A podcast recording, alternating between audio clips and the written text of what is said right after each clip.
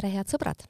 saade, mida te praegu kuulama hakkate, on Vaim Vardas, see on eetris kord kuus ja selle saatejuht on Vilja Kiisler, aga külaline on iga kord erinev ja mul on täna hea meel ajada juttu ettevõtja ja kirjaniku Armin Kõomäega, tervist! tere!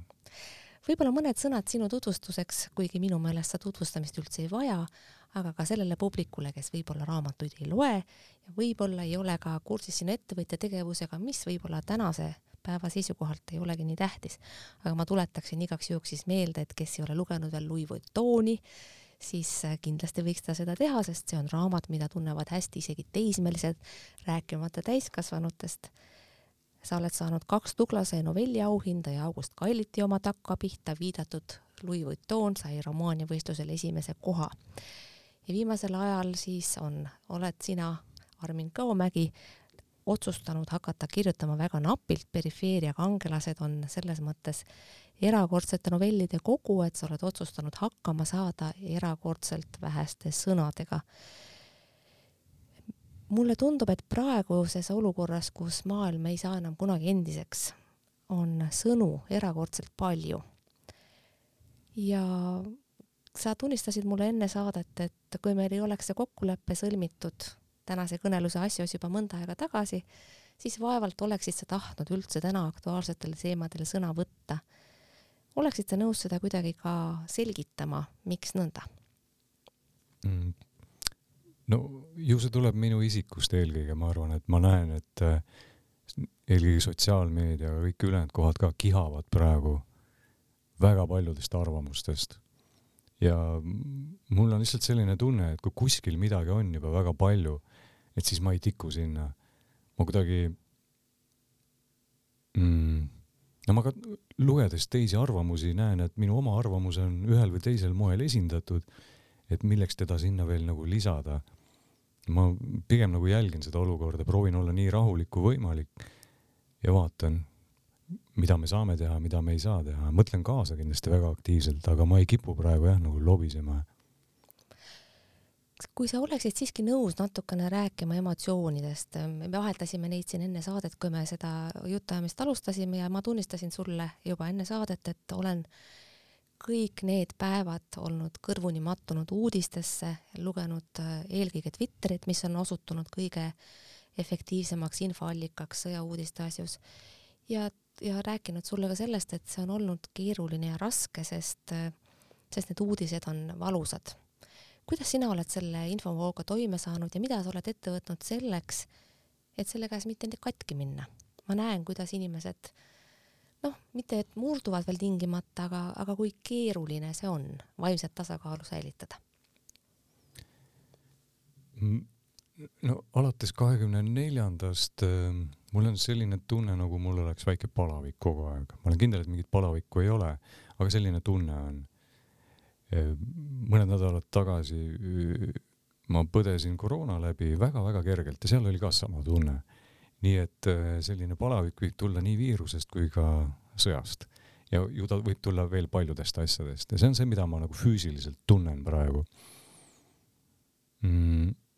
aga, aga mul on ka mingi teine tunne või selline eelaimus, et me oleme tunnistajaks ühe pikale veninud loo finišile, viimasele peatükile. ja seal on ka sellist nagu lootust, et kui see lõpeb ära, et äkki siis tuleb natukene parem peatükk järgmiseks või algab uus lugu täiesti. ma saan aru, et see lootus võib olla ka naiivne, alati võib pärast halba lugu tulla veel halvem lugu, aga praegu on mul selline tunne, et see võimalus, et järgmine lugu, mis algab, võiks olla natuke parem kas oled seda nõus natuke lähemalt selgitama, sest mina ilmselt kuulun nende inimeste hulka, kes näeb või, või tunneb pigem, et saab minna veel väga-väga palju halvemaks. ja ma ei oska pakkuda välja mingisuguseid äh, tärmineid või võimalikke stsenaariume, selleks on teised inimesed. aga, aga ma näen praegu selle uudisvoo pealt, milles ma olen sees silmadeni, kõrvadeni ja rohkemgi veel, et olukord on erakordselt keeruline ja kõik variandid on halvad ma, ma ei näe nagu seda lootuse kiirt. millel see sinu teatav optimism, mis mulle tegelikult rõõmu teeb, ikkagi põhineb? no sellele, et keegi ei ole igavene, ükski võim ei ole igavene. ükski sõda ei saa igavesti kesta, ükski konflikt ei saa igavesti kesta, kuigi nad võivad pikalt kesta. ja noh, nii palju, kui ma olen vaadanud, kuulanud erinevaid kanaleid, päris paljusid ka nagu vene keeles, ja on jäänud selline mulje mulle, et ikkagi mm, noh, nüüd, kus maskid on ikkagi täielikult langenud, illusioonid on purustatud, äh, kaks poolt on noh, ütleme siis nagu see lääne pool on väga konsolideerunud, väga ühtne.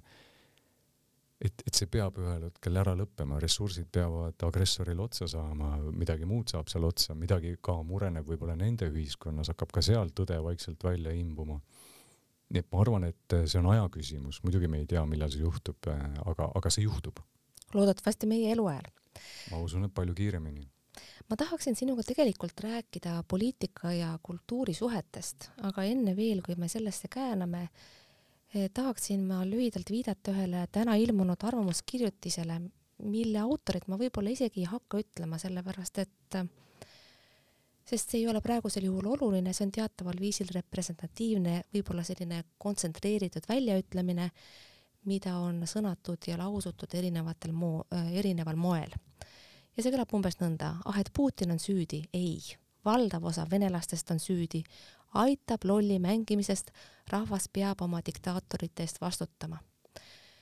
see on siis tegelikult kontsentraat sellest arvamusest, et me, et iga rahvas väärib oma valitsejaid, milles ju teataval viisil ajaloos, noh, võime öelda, et selles on ka teatud tõetera. kuid sellisel kujul esitatuna tunnen mina sellist teksti lugedes, et mul tõmbab kõht krampi ja ma... miks ta sul krampi tõmbab? sellepärast, et minu meelest on kuidagi ülekohtune süüdistada iga venelast selles, mida Putin praegu teeb. mulle tundub see ebaõiglane. palun vaidle minuga. vaidlen hea meelega. Presidendid, peaministrid, diktaatorid, tsaarid, kuningad, keisrid, nad ei kuku taevast, kuigi nad vahest väidavad niimoodi. Nad tulevad ikkagi rahva toel võimule ja rahvas äh, aktsepteerib rohkem või vähem seda, mis toimub. ja mida minu arust meie näeme, on meie naaberrahvas on kakskümmend aastat midagi aktsepteerinud. selle kahekümne aasta jooksul on tilkhaaval kivi sisse uuristatud auk ja kui see toimub tõesti tilkhaaval, millimeeter haaval, siis see on nagu konna keetmine, ta, ta ei saa muutusest aru. aga kakskümmend aastat on terve põlvkond, seal on terve põlvkond inimesi, kes näevad maailma teistmoodi, kui piiri taga nähakse kes sellest vastutab? ainult rahvas ise. selle eest ei vastuta Hiina, selle eest ei vastuta Ameerika, Ukraina, rääkimata meist. ükski Aafrika riik ei vastuta selle eest. see, mis Venemaal toimub, selle eest vastutab alati vene rahvas mida mina tegelikult silmas pean, on see, et äh, diktatuuririikides ei ole ju lugu nõnda nagu demokraatiates. kui meie läheme valimistele, siis meil on vabad valimised ja me saame valida erinevate erakondade vahel venelastel sellist võimalust ei ole. kes võttis neilt selle võimaluse ära? no vot, sellel on pikad ajaloolised põhjused, eks ole, miks see nõnda on läinud. kes võttis, vasta sellele, kes võttis ära? aga vasta sina, ole hea. kas nigeerlane võttis ära, kas argentiinlane võttis selle ära, kas korealane võttis ära, kas eestlane võttis ära, kas ameeriklane võttis ära? Nad andsid millegi ära, saamata aru, et nad annavad selle ära, sest anti ära millimeeter haaval, mitte terve kilomeeter korraga. ja nüüd on tulemus käes noh, aga siis me võiksime selle arutelu tõmmata ju laiemaks ja mõelda näiteks selle peale, mis toimus Süürias. kas me saame iga süürlase panna vastutavaks selle õuduse eest, selle põrgu eest maa peal, mida me võisime siin jälgida mitte võib-olla nõnda online nagu sõda Ukrainas, aga siiski videopiltide kaudu, kannatuste kaudu, surmade kaudu. kas me saame öelda, et iga süürlane on vastutav selle diktatuuri eest, selle diktaatori võimul olemise eest, kes siis kasutas oma rahva vastu nii-öelda relvi. lühidalt vastates jah, täpselt sama case. kui sul on riik, on rahvas, ükskõik kui palju erinevaid kultuure, hõime seal ei ole, aga nad on kokku leppinud, et nendel on valitsus. See ei ole neile väljast ju peale pandud, see valitsus, kes neid terroriseerib. Nad on ühel või teisel moel selle valitsusega nõustunud seal on hõimu, hõimuühiskond. hõimudel on pealikud, need pealikud omavahel siis lepivad omasoodu midagi kokku, ta on hierarhiliselt täiesti teistsugune ühiskond kui meie oma, aga ikkagi algab algusest ja lõpeb seal üleval tipus. aga Armin, kujuta nüüd ette, et äh, realiseerub kõige halvem stsenaarium, mida me praegu näeme oma kõige hirmsamates unenägudes. et Putin saavutab edu Ukrainas ja tõepoolest meie olemegi järgmised. võib-olla meil veab ja me saame kohe surma, meil sinuga, aga kui ei vea, siis ühel hetkel peame meiegi sinuga, juhul kui me jääme ellu ja me jääme siia, vaatama peeglisse ja ütlema, me oleme süüdi selles, et nii läks, nüüd on ta siin, ta on ka meie diktaator. kuidas siis, kuidas siis edasi, juhul kui sa ei saagi surma? ma ei näe seda päris nii, kui ta tuleb siia, siis me hakkame sõdima. tead, teatud põhjustel muu maailm ei lähe praegu Ukrainasse koos ukrainlastega sõdima, saadab relvi, saadab tuge, aga sinna sõdima ei lähe. ma ei tea, kas seal on mingisugused jooned, mida ei ole veel ületatud või siis nad põhimõtteliselt ei lähe. aga kui ükskõik milline Vene sõjamasin ületab äh, meie piiri, läheb kohe sõjaks, kohe läheb andmiseks ja me ei ole üksi. see tuleb teistsugune see tuleb teistsugune, aga Ukraina selles mõttes on üksi. NATO on väga selgesti välja öelnud ja USA riik, juhtriik, USA kui NATO juhtriik on selgesti välja öelnud, et ta ei sekku et äh, selles mõttes me ei saa ju, kas sa siis tahaksid ka öelda, et selle olukorra eest, mis on praegu Ukrainas, vastutavad ukrainlased ise või äkki vastutab ikka see diktaator, nende kuri naaber, kes äh, selle sõja kuulutas? Ukraina ei läinud kellelegi kallale. kui oleks Ukraina kellelegi kallale läinud, siis võiks küsida, et äh, kes seda tegi. Ukrainlased kaitsevad oma maad. mille eest nad võib-olla vastutavad, on see, et nende suurele agressiivsele naabrile tundus, et nad on nõrgad, et neid võib rünnata. mis on praegu selgunud, naaber eksis, nad ei ole nii nõrgad, nad võivad ennast kaitsta päris kaua ja võib-olla aastaid, eks ole, veel sissisõja vormis ka. oled sa ise mõelnud ukrainlastele appi minna relvaga? Ma ei ole mõelnud selle peale, aga ma ei läheks Ukrainasse, ma läheks, ma läheks Eestit kaitsma relvaga küll. seda ma sinust täiesti usun ma tegelikult äh, ei arvanud, et meie arusaamine sellest asjast on erinev, aga see ongi väga hea, et ta on. pöörame kultuuri juurde. praegu väga selgesti katkestab nii Eesti kui ka kogu lääs kultuurisidemeid Venemaaga ja see on tegelikult pretsedenditu, arvestades olukorda, et isegi külma sõja ajal, kus üksteist tuumarelvadega ähvardati ja pidevalt oldi, kõnniti nii-öelda noatera peal, kultuurisuhted ikkagi jäid püsima. kuid praegu näiteks Paavo Järvi peab vastavalt põhjendama Eh, miks ta ei tühistanud oma kontserti Moskvas ja boikoti alla sattus näiteks selline eh, koostööfilm nagu Kupee number kuus, mida minul õnnestus kinos ära vaadata veel enne, kui sõda puhkes, ehk siis Eesti on seal selle filmi tootmises osaline, suuremalt jaolt vene film, koostöös siis soomlastega tehtud. nüüd järsku me ei tohi seda enam vaadata. ja noh, selliseid näiteid on eh, päris palju mulle tund-, ma saan aru, miks selline otsus tehakse, aga mulle tundub see küsitav. kuidas on lugu sinuga? mulle ei tundu see küsitav. praegu on äh, totaalne sõda, et ma ütlen, et see, mis praegu toimub, ei ole enam nali. siin ei saa nagu võtta selliseid pooltoone. see on mustvalge pilt minu jaoks ja kultuur on osa sellest äh, tsivilisatsioonist, kes äh, oma naabrit praegu ründab, tapab, hävitab. miks me peaksime kultuurile erandi tegema?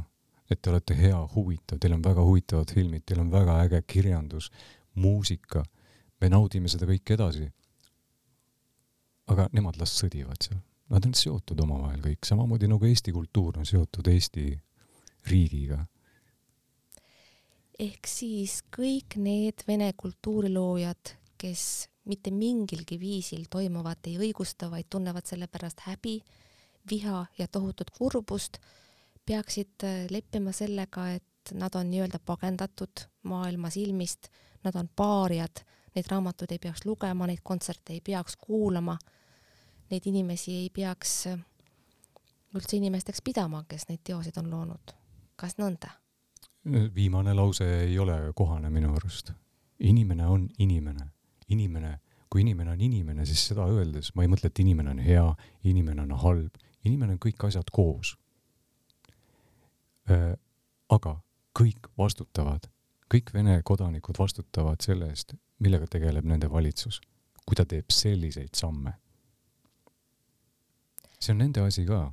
Nad, kui nad oma nahal ei tunne seda, et kontserdid käivad edasi, filme näidatakse edasi, nad on sõja vastu, aga sõda käib, et see ei puuduta mitte kedagi, siis see on vale.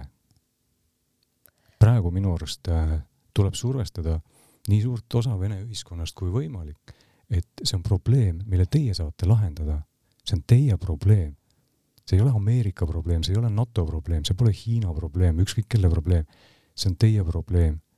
Teie lasete praegu mängida oma suure tugeva kultuuriga äh, riigi, ühiskonna nurka. Teist tuleb väga suur Põhja-Korea, kui te midagi ette ei võta. ma olen käinud Põhja-Koreas. kas sa ei arva, et ähm, see olukord võib ka siinsamas Eestis anda mõnevõrra ootamatuid tagajärgi. meil on ju Eestis hulk loojaid, kellel Eesti, Eesti kirjanikke, kellel on näiteks vene nimi. ja, ja on ka näiteks Eestis elab ju või kõige tõenäoliselt maailmas kõige tuntum eh, kirjanik, Eestist elav kirjanik Andrei Ivanov, kes kirjutab vene keeles. kas siis näiteks tema raamatuid ei peaks enam lugema, kas peaks teda boikoteerima paljalt sellepärast, et tema raamatud ilmuvad vene keeles ja koguni vene kirjastamisel? joon ei käi läbi pikki rahvust, kui me võtame Ukraina kasvõi, väga hea näide, seesama Harkiv, mida pommitatakse, see on venekeelne linn.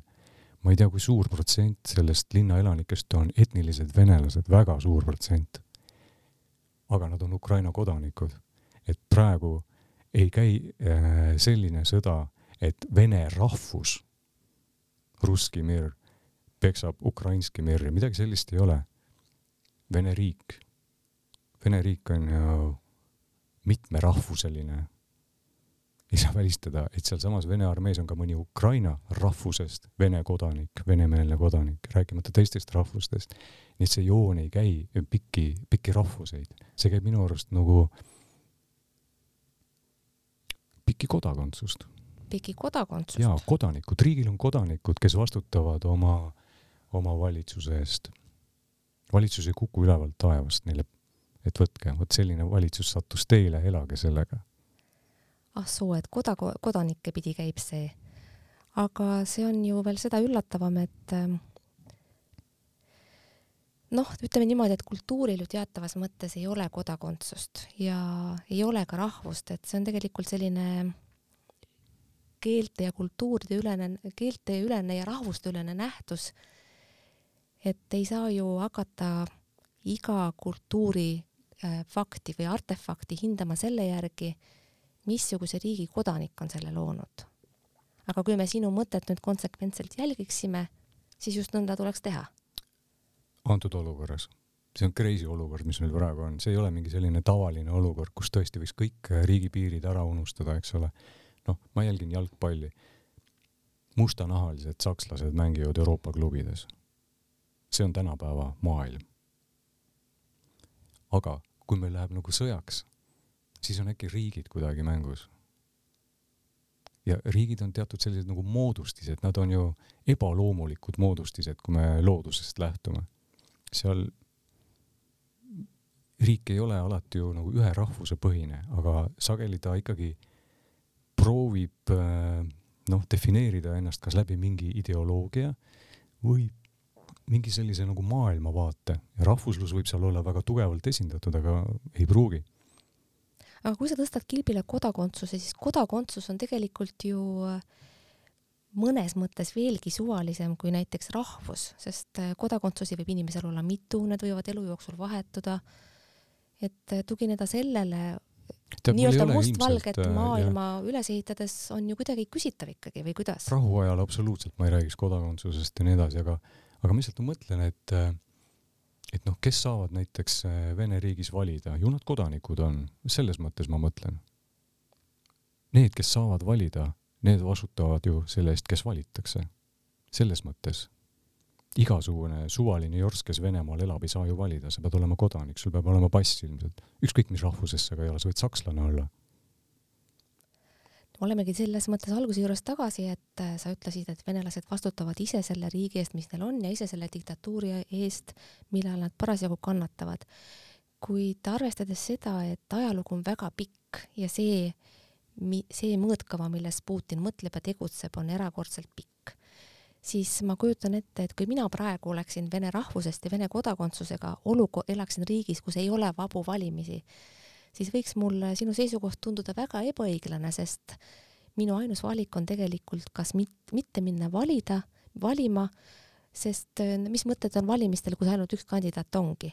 et ehk ma küsiksin sellises olukorras sinu käest, et missugused on minu valikud, kui sa ütled, et ma vastutan selle eest, kuidas asjalood on. kui ei ole vabu valimisi, mida ma siis peaksin tegema? venelasena, veda, Vene kodakondsusena. kui sa saad ise aru, et see on sinu maa, suur probleem, et sul ei ole vabu valimisi, et sul ei ole vaba ajakirjandust. sa saad sellest aru, et see on probleem ja sa mitte midagi ei tee. sa ei otsi mõttekaaslasi, sa ei proovi jõudusid ühendada, väljendada oma seisukohta avalikult, siis see on sinu iseenda isiklik süü, ükskõik kas argusest või mingist muust põhjusest sa ei tee seda või lihtsalt keerad pilgu ära. ma arvan, et seal on väga palju pilgu ärakeeramist. kuskil heas vene filmis, hästi must film oli, aga seal oli üks äh, peade, üks tegelane ütles teisele, nii lees, ära roni, et see on üks õudne võimumäng, nii lees tuda, keera pilk ära. Navalnõi ei keeranud pilku ära, aga ta istub vanglas. jah, teda toetati vähe. kui, kui oleks miljonid välja tulnud, noh, sa ei saa miljoneid vanglasse panna, sul ei ole ilmselt vanglakohti nii palju.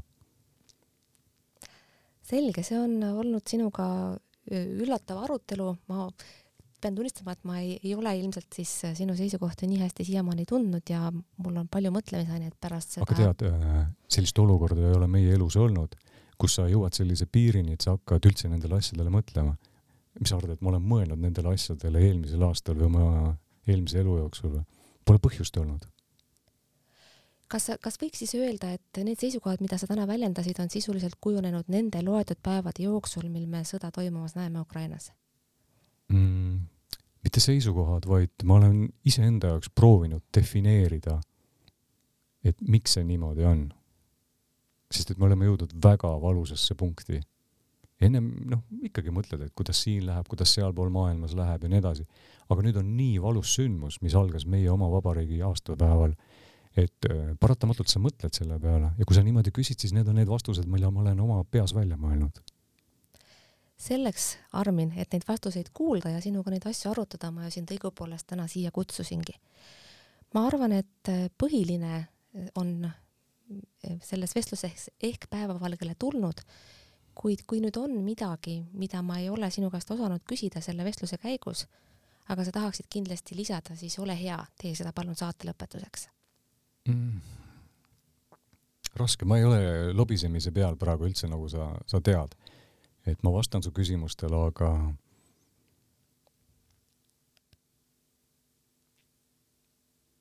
ma, ma tõesti loodan, et, et tuleb natuke parem peatükk.